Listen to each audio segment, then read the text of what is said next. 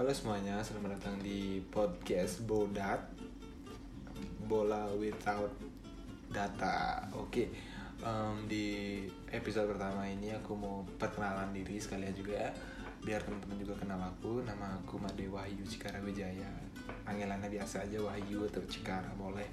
Aku dari Bali mungkin kalau teman-teman dengar uh, logat aku atau logat aku terlalu kental dengan kebalinisan aku aku minta tolong dimaafin ya teman-teman. Karena logatku ini nggak bisa aku lepasin atau aku tinggalin aku lupain gitu aja. Karena hmm, udah jadi kebiasaan sehari-hariku dalam berbicara.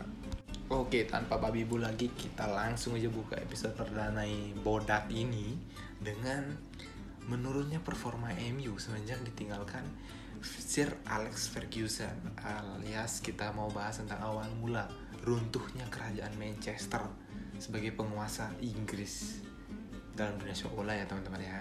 Oke, aku mau ngebahas MU karena MU merupakan hal uh, sorry hal lagi tim yang paling aku sukai, tim paling aku cintain di dunia sepak bola Uh, karena dari aku tahu sepak bola dari aku pas SD kelas 4 aku pertama kali suka sepak bola itu aku udah suka sama Manchester United. Itu kalau nggak salah zaman di mana um, uh, musim terakhir Cristiano Ronaldo lah musim masih masa kejayaannya ada Owen Hargreaves ada Carlos Tevez ada Berbatov lah pokoknya gitu. Um, aku mau ngebahas dari yang pertama ini Sir Alex Ferguson kan musim terakhirnya dia juara nih. Berkesan banget dong buat teman-teman sebagai fans MU MU juara di tahun terakhir si Alex Ferguson dan Ferguson memutuskan untuk pensiun. Aku jujur aku waktu itu sedih banget karena mungkin MU akan agak susah untuk dapetin pelatih yang mungkin um, bisa menggantikan posisi Sir Alex Ferguson apalagi Sir Alex Ferguson udah lama mengabdi di Manchester United trofinya sudah banyak. Habis itu menangkan Champions League tiga kali seingat aku ya. Um, itu merupakan hal yang keren banget buat aku sebagai seorang fans Manchester United dan di sisi lain kenapa aku sudah punya firasat buruk? Mungkin teman-teman aku ah lu ngaku-ngaku ya memang aku punya firasat firasat buruk.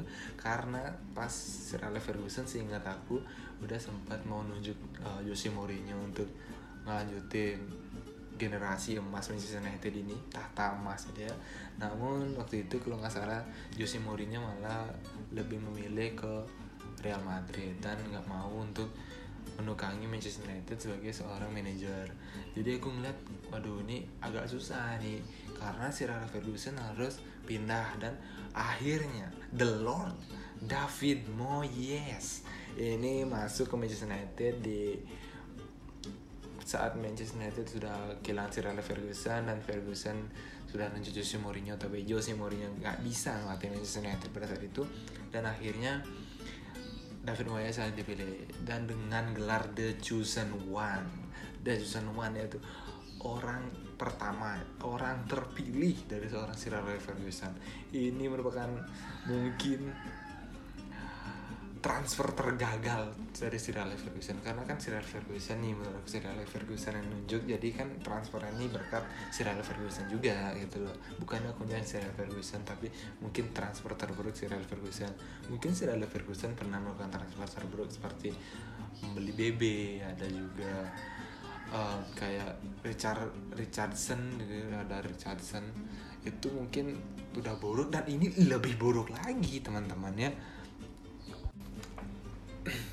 Oke, kita langsung masuk aja ke bagian uh, dipilihnya David Moyes ini. Jadi menurut aku David Moyes ini bagus sebenarnya karena dia kan sempat melatih Everton, habis itu ada beberapa fakta yang ini um, menjadi tiga kali menjadi pelatih terbaik, tiga kali jadi ter pelatih terbaik selama melatih Everton. Uh, gelarnya ini didapat dari, uh, dari asosiasi manajer di liga musim 2003, 2005 dan bahkan di 2009 itu kalau nggak salah di 2009 2010 itu uh, MU di peringkat dua kalau nggak salah itu Chelsea yang juara. Habis itu di 2003 sama 2005 ini David Moyes menjadi uh, salah satu pelatih terbaik lah di Liga Inggris. Bahkan dari dari jenjang karir ini David Moyes ini lumayan oke bahkan pas aku pertama kali dengar itu kalau nggak salah aku masih SMP itu dengar David Moyes dipilih ke Manchester United aku sebenarnya oh mungkin ini yang terbaik buat Manchester United karena aku ngelihatnya karena dulu aku masih kecil kan aku ngelihatnya oh MU pelatihnya Sir Alex Ferguson. Habis itu yang ditunjuk juga kayaknya punya rekam jejak yang bagus dan waktu itu Everton lumayan oke okay lah mainnya di, di klub klub dari Merseyside dengan saingannya itu Liverpool. Mereka bisa tampil dengan cukup memuaskan waktu itu kalau nggak salah Big Four di Liga Inggris itu kan cuma MU, Chelsea, ada Man City juga ada 2010-an ada Man City ada Arsenal ada ada Tottenham ada Liverpool itu itu aja lah biasanya. Bahkan uh, untuk tim sekelas dari Merseyside dengan saingan sekelas besar Liverpool ini Everton bisa cukup legit di Liga Inggris. Itu berkat selama uh, dilatih mungkin oleh si, si Moyes ini sendiri bak. Namun apesnya Moyes ini pas pindah ke Manchester United entah kenapa padahal MU kan dari 2012 2013 ini juara. Pas 2013-2014 kan otomatis Manchester United ini lolos ke Liga Champion di Liga Champion. Bahkan MU dengan dengan tim sekali Manchester United yang main di Liga Champion MU nggak bisa uh, membeli pemain guys. Kalau teman-teman ingat nih fans fans MU orang yang bisa dibeli sama si David Moyes ini cuman anak asuhnya sendiri Marwan Fellaini. Dan mungkin Marwan Fellaini ini merupakan bagi aku sendiri pemilihan sukses tapi nggak sukses instan. Maksudnya nggak sukses di musim dibelinya tapi di musim selanjutnya dia lebih sukses. Fellaini ini dibeli kalau nggak salah harganya 30 juta gitu kalau nggak salah ya. Dibeli sama Moyes dan itu pun di jelang akhir-akhir periode transfer musim panas lah. Dan transfer terbaik di musim itu adalah Juan Mata ini mungkin kesalahan yang dilakuin Moyes. Ini menurut aku semenjak dilatih Moyes semua staff kepelatihan Manchester United nih dihilangin. Ada kayak Mike Pelan itu sama Rene Maulenstein itu pelatih kiper Manchester United zaman Edwin van der Sar. Mike Pelan juga. Jadi agak jadinya dia ngerombak semua pelatihan MU jadinya nggak ada identitas permainan atau identitas. Jadinya kepelatihan MU bener-bener di refreshment semuanya gitu. Jadinya menurut aku nih ya jadinya gaya permainan berubah dan bahkan cenderung nggak ada percaya diri. Even MU ini waktu zaman itu MU main di kandang pun kalah dude. Kalah boy ih, ih main di Old Trafford lo bro. Old Trafford kalah per kalah perdana ini rekor-rekornya sama Moyes nih emang GGWP main musim pertama ini emang bener-bener diuji kepelatihan MU cuk cuk. Pelatih pertama yang bisa mengalahkan MU di kandang sendiri lawan West Bromwich habis itu kekalahan perdana ngelawan Newcastle United kalah lawan Everton ini MU benar-benar diuji. Habis itu ya oke okay lah manajemen Manchester United ngasih waktu ngasih waktu ngasih waktu dan akhirnya dipecat lah David Moyes ini karena hilangnya menurut aku inilah pertama awal mula kehilangannya kehilangan percaya diri Manchester United. Jadinya kayak merentet gitu setiap musimnya. Gitu menurut aku ya pandangan aku Oke, habis itu ada juga pembelian Juan Mata. Ini merupakan pembelian yang bikin aku kaget banget karena di bulan Januari ini, eh bulan Januari tersebut di 2014 awal itu MU hampir nggak ada kabar karena untuk membeli pemain siapa entah siapa yang mau dibeli dan tiba-tiba uh, berita langsung resmi Juan Mata resmi berlabuh di Manchester United itu benar-benar bikin aku kaget karena berita nggak ada tiba-tiba Manchester United dijual Mata dan pembeliannya Jos Gandos kotos-kotos banget. Karena Mata bener-bener ngasih performanya yang 100% buat Manchester United menurut aku nih ya. Untuk di Liga Inggris pun lumayan mendokrak permainan Manchester United. Uh, bahkan selama di Manchester United uh, menurut aku John Mata nih salah satu gelandang serang yang terbaik yang dipunya MU yang konsisten. Yang menurut aku konsisten dan terbaik habis itu bener-bener magis banget kalau ngasih tendangan bebas nih bener-bener magis. Kakinya nih magis magis beda pokoknya. Bisa teman-teman cek langsung di YouTube. Uh, gol-gol tendangan bebas dari Juan Mata. Menurut aku nih salah satu pemain yang terbaik di Manchester United. Habis itu setelah ditinggalkan Moyes itu di kalau nggak salah di pekan ke 30 atau 29 Premier League ditinggalin. Habis itu Ryan Giggs menjadi pelatih sementara caretaker Manchester United. Sekalian jadi pemain anjay. Anjay nggak tuh Ryan Giggs? Main iya pelatih iya. Dan itu bukan musim terakhir Ryan Giggs sebelum dia pensiun. Habis itu uh, berita yang bener-bener bikin aku senang banget gitu. Karena di 2014 kan Piala Dunia Piala Dunia Piala Dunia dan ada salah satu pelatih yang bener-bener aku suka banget ngeliat gaya mainnya itu itu timnas Belanda. Walaupun nggak jadi juara dunia tapi timnas Belanda ini bener-bener ngasih permainan yang atraktif banget. Menarik banget. Mereka pun uh, gugurnya kadang-kadang ada penalti. Babak tos-tosan lawan Argentina. Uh, di Piala Dunia itu aku suka karena bener-bener ngasih hampir menurutku mereka salah satu calon juara di tahun itu. Tapi karena ya mungkin belum belum takdirnya lah ya. Jadinya juara waktu itu Jerman dan mereka kalah lawan Argentina di perempat final kalau nggak salah. Lawan Argentina lewat babak adu penalti. Dan Luis van Gaal sebagai pelatihnya.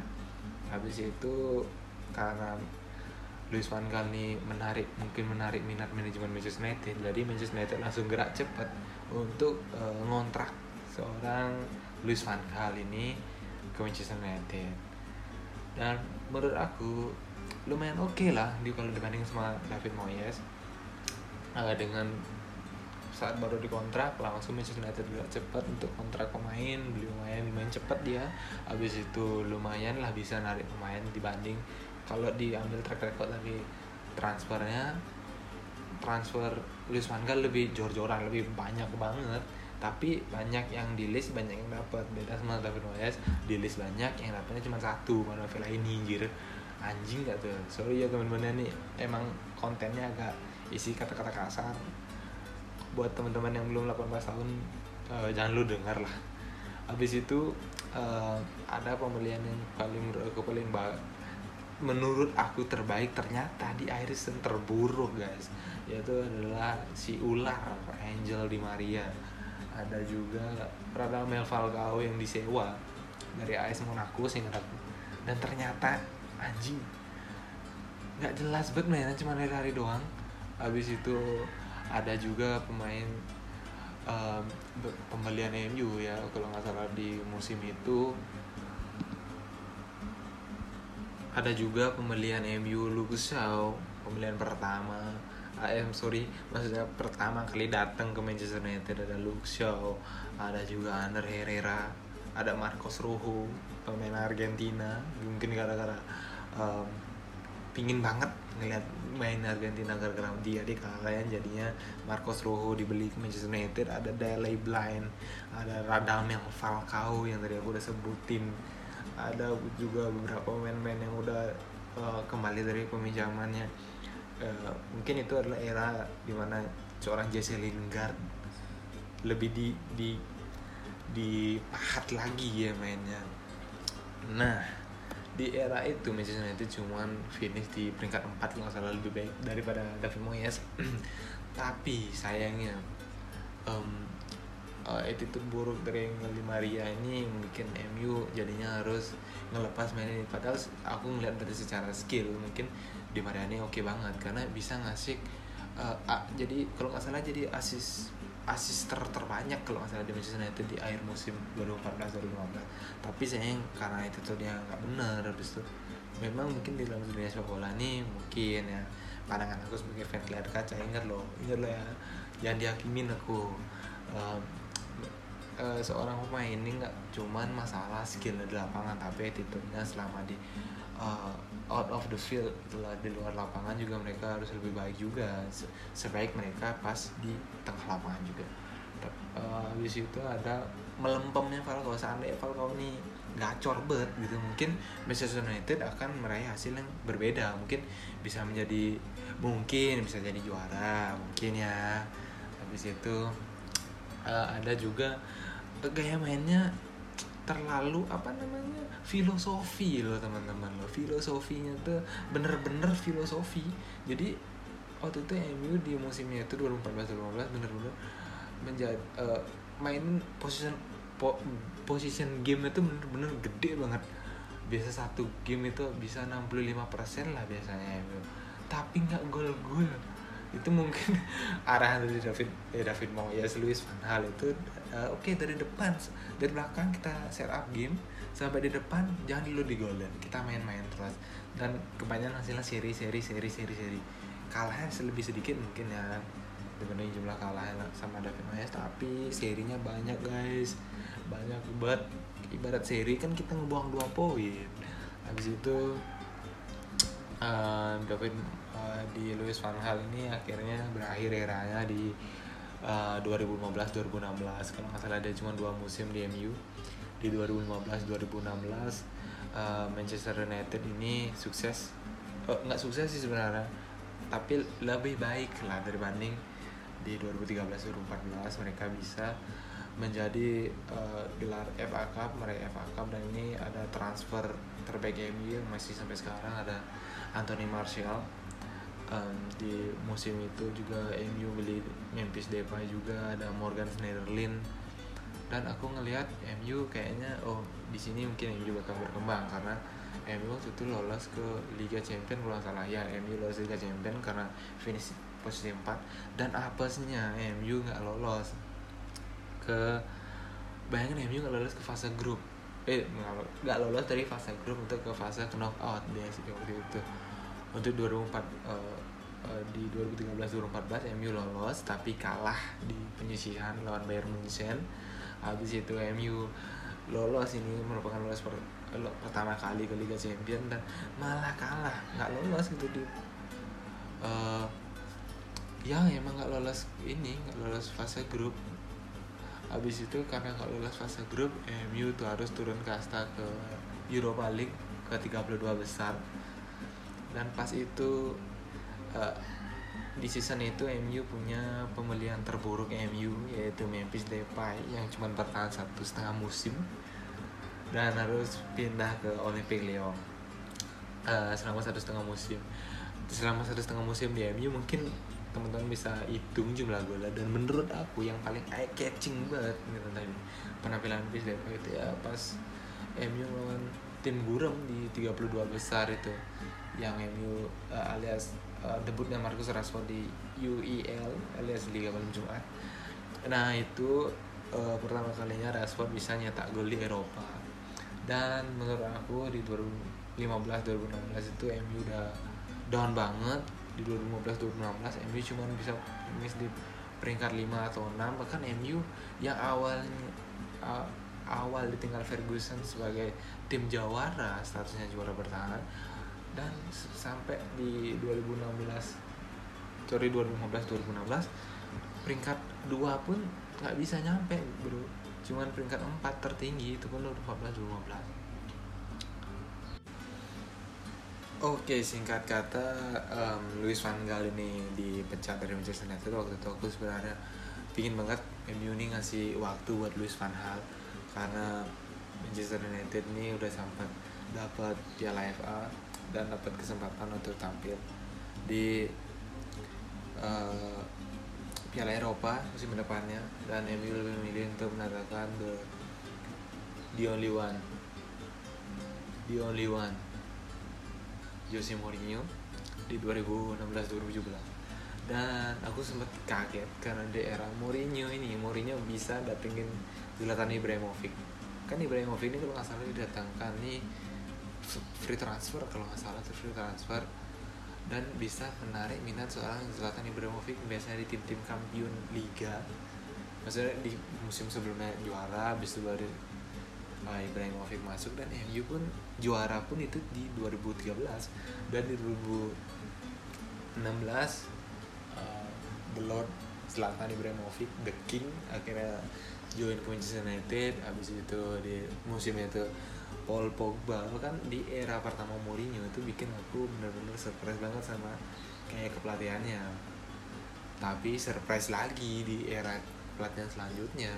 Oke kita ngomongnya balik lagi 2016-2017 itu Manchester United bisa datengin Pogba bisa datengin Zlatan Ibrahimovic. Itu menurut aku bener-bener gak dia bisa bikin MU uh, seakan-akan mau berregenerasi lah istilahnya yang berubah gitu.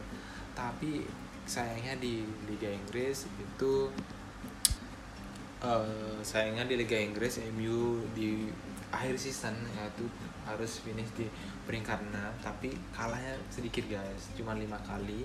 Dan di peringkat 5 nih Arsenal. Nih sorry ini aku nyinggung tim lain jadi kan. Arsenal ini kalahnya 9 kali tapi lima kali. Tapi imbangnya MU 15 kali. Kalau kalahnya lima kali tapi menangnya banyak kan nggak apa-apa. Ini kalah eh sorry. Menang sama imbang ya cuma beda tiga doang. Menang 18 imbangnya 15 gitu. Jadinya MU harus bercokol untuk peringkat 6 dan tapi positifnya MU bisa juara guys. Yo ingat tuh juara Europa League. Juara Europa League di 2016 2017 eranya Ibrahimovic bahkan pada saat itu di final nih Ibrahimovic cedera Eric Bailly cedera. Pokoknya itu yang main cuma Rashford bukan yang ingat Rashford Mkhitaryan ada Pogba juga yang pasti sebagai midfielder terbaik MU karena MU krisis midfielder bet sekarang. Habis itu uh, eh, MU juara dan namun sayangnya MU harus gagal di di apa namanya Capital One Cup. Eh sorry di FA Cup MU gagal tapi MU bisa juara juga di EFL Cup. Yo ingat tuh juara EFL Cup juga di 2016-2017 di awal season Jose Mourinho bisa ngasih MU salah satu trofi Community Shield. Mungkin MU udah agak puasa Community Shield dari 2013 ya. Karena di 2013 MU bisa juara Community Shield sama David Moyes ngalahin Wigan habis itu di 2016 akhirnya MU Community Shield lagi. Walaupun nggak nggak penting-penting banget tapi paling enggak bisa nambahin uh, apa namanya kepercayaan diri MU walaupun akhirnya MU harus finish di peringkat 6 habis itu lanjut lagi uh, Jose Mourinho di 2017 2018 di mana seorang Romelu Lukaku eh, alias Herman Zumafu Herman Zumafu nya Belgia ini gabung ke Manchester United. Um, aku sebenarnya agak terkesima juga sama Manchester United bisa ngedatengin Romelu Lukaku dengan harga yang segitu besar dibanderol kalau nggak salah sekitar 70 atau 80 juta pound sterling. Uh, doi bisa ngasih permainan yang benar-benar bagus banget untuk seorang striker dan di musim debutnya di Manchester United bahkan dia pindah dari Everton pindah ke Manchester United dia bisa ngasih permainan yang gokil banget. Uh, bahkan di di musim pertamanya Romelu Romelu Lukaku di musim pertamanya sama Manchester United di Liga Inggris ini ya dia di doi bisa nyetak 16 gol dan di musim keduanya MU bisa dia nyetak 24 gol. Dan untuk di musim pertama ini uh, dia dapat gelar uh, Player of the Month di 2017 uh, eh, bulan Maret 2017 sebelum akhir season 2016-2017 jadinya MU lebih kukuh lagi beli seorang Romelu Lukaku dan di awal season MU agak mengecewakan karena harus kalah di UEFA Super Cup. Melawan Real Madrid MU harus kalah tapi di sana aku ngeliat eh, Romelu Lukaku mencolok banget karena bisa nyetak gol perdana sama Manchester United di pertandingan resmi. Sebelumnya udah nyetak gol di apa namanya tuh yang pertandingan persahabatan biasanya ada di Amerika itu kalau nggak salah lawan Manchester City itu doi bisa nyetak gol sudut sempit banget. Teman-teman bisa cek di YouTube-nya. Habis itu di musim itu MU bener-bener gokil banget. MU bisa pertama kalinya finish di peringkat dua. Itu finish di bawahnya Manchester City kalau nggak salah. Manchester City menjadi juara di musim itu karena dan di musim itu MU bisa ngalahin Manchester City. Oh iya MU bisa menang lawan Manchester City di musimnya itu menang di Etihad itu paling aku bener-bener gokil banget gitu. MU pertama kali punya kepercayaan diri yang tinggi banget main di kanannya Manchester City. Uh, menurut aku itu pertandingan MU versus City pertama yang menurut aku gokil banget. GGWP pokoknya mainnya MU semenjak ditinggalnya ditinggalin sama si Alex Ferguson untuk milih pensiun habis itu di musimnya itu eh sorry di pertandingan itu MU benar-benar comeback Israel ketinggalan 2-0 tapi menang akhirnya 3-2 dan semua gol itu kalau nggak salah dicetak di babak kedua rasanya. Babak antara babak kedua atau babak pertama aku kurang ingat.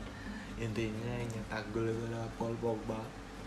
Paul Pogba dua kali dan juga Chris Smalling sekali. Dan itu Alex Sanchez benar-benar gokil ngasih dua assist untuk Pogba dan juga Chris Smalling singkat aku ya.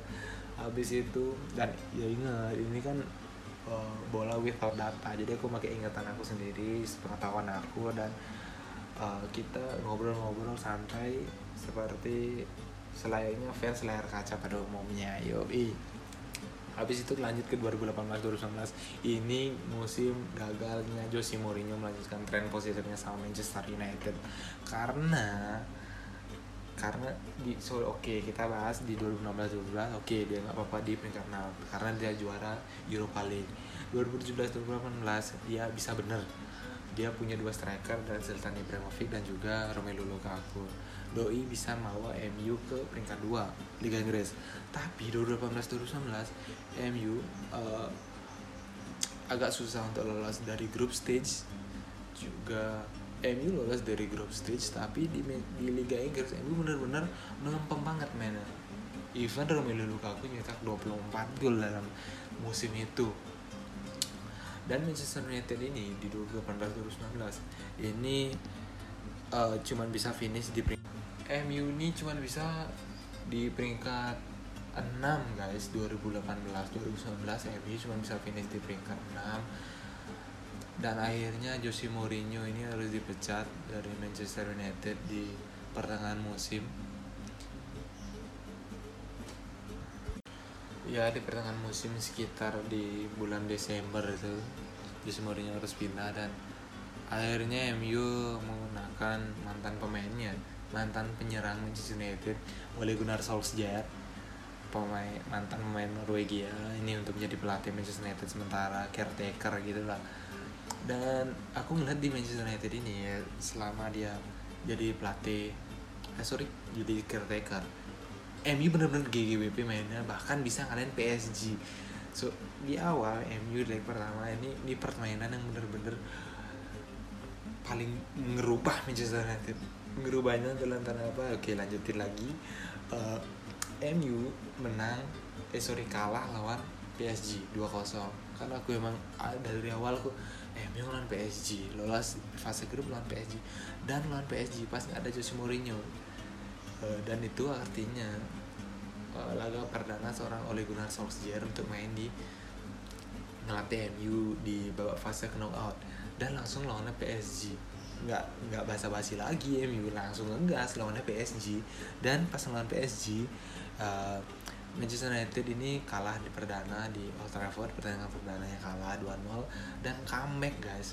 Comeback 3-1 dan akhirnya entah kenapa setelah jadi menang lawan PSG uh, Manchester United langsung ngontrak penuh si Ole Gunnar Solskjaer. Dan entah kenapa mainnya malah merosot merosot merosot. Dan akhirnya finish di peringkat 6 padahal awalnya MU sempat nginjak di tahta anjay. Tahta di peringkat keempat Premier League. Tapi akhirnya MU harus turun ke peringkat 6 karena satu dan lain hal. Jadi permasalahan MU ini sebenarnya menurut aku di kepercayaan diri para pemainnya. Eh, nggak uh, bisa rasa uh, pelatihnya menurut aku mungkin yang sekarang oleh Gunnar Solskjaer di pertengahan atau perjalanan 2019-2020 ini oke okay lah bisa dipercaya karena untuk sementara MU kan masih dulu di peringkat kelima. Mungkin menurut aku dengan lihat kondisi pemain-pemain sekarang apalagi di, di, kita kesampingan lu corona ini aku ngeliat kondisi pemain dengan pemain yang ada ini mungkin MU oke okay, kalau mainnya bisa konsisten dan menemuin rasa percaya diri mereka mereka bisa finish di peringkat 4 atau peringkat 3 lah minimal untuk untuk juara nih masih agak sulit karena kita masih ketinggalan jauh dari Liverpool. Aku akuin Liverpool ini memang oke okay banget mainnya. Oke kita balik lagi ke topik Manchester United. Uh, aku ngelihatnya mungkin karena hilangnya kepercayaan diri pemain. Sa satu pemain dengan pemain lain. Jadinya MU ini kayak nggak pede gitu ngelawan. Misalnya udah aja ngelawan tim yang agak gede posisinya lebih di atas MU MU jarang banget bisa main dengan misalnya nih MU ngelawan Man City. Pertandingan ini menang MU habis itu next MU versus Chelsea. Mereka nggak bisa lagi nemuin gaya permainan mereka pas sama City. Itu sih poin of aku sebagai seorang fans layar kaca yang nggak pernah datang ke stadion nggak ngerti bola secara sepenuhnya. Aku cuma bisa ngeliat ulah dari depan layar kaca aku aja oke mungkin uh, segitu aja podcast pertama aku tentang Manchester United. Menurunnya performa Manchester United mungkin teman-teman yang dengerin ini atau kurang setuju dengan opini aku bisa kasih aku masukan kritik. Kritik dan saran aku sangat terbuka banget buat teman-teman. Um, sekali lagi buat teman-teman yang ada di luar sana tetap semangat tetap jaga kesehatan. Uh, tetap physical distancing dengan orang sekitar usahain jangan keluar rumah kalau bisa jangan keluar rumah kalau misalnya terdesak banget harus kerja. Uh, semoga teman-teman berkah lah juga kerjanya di era covid ini. Dan stay healthy ya guys. Oke okay, see you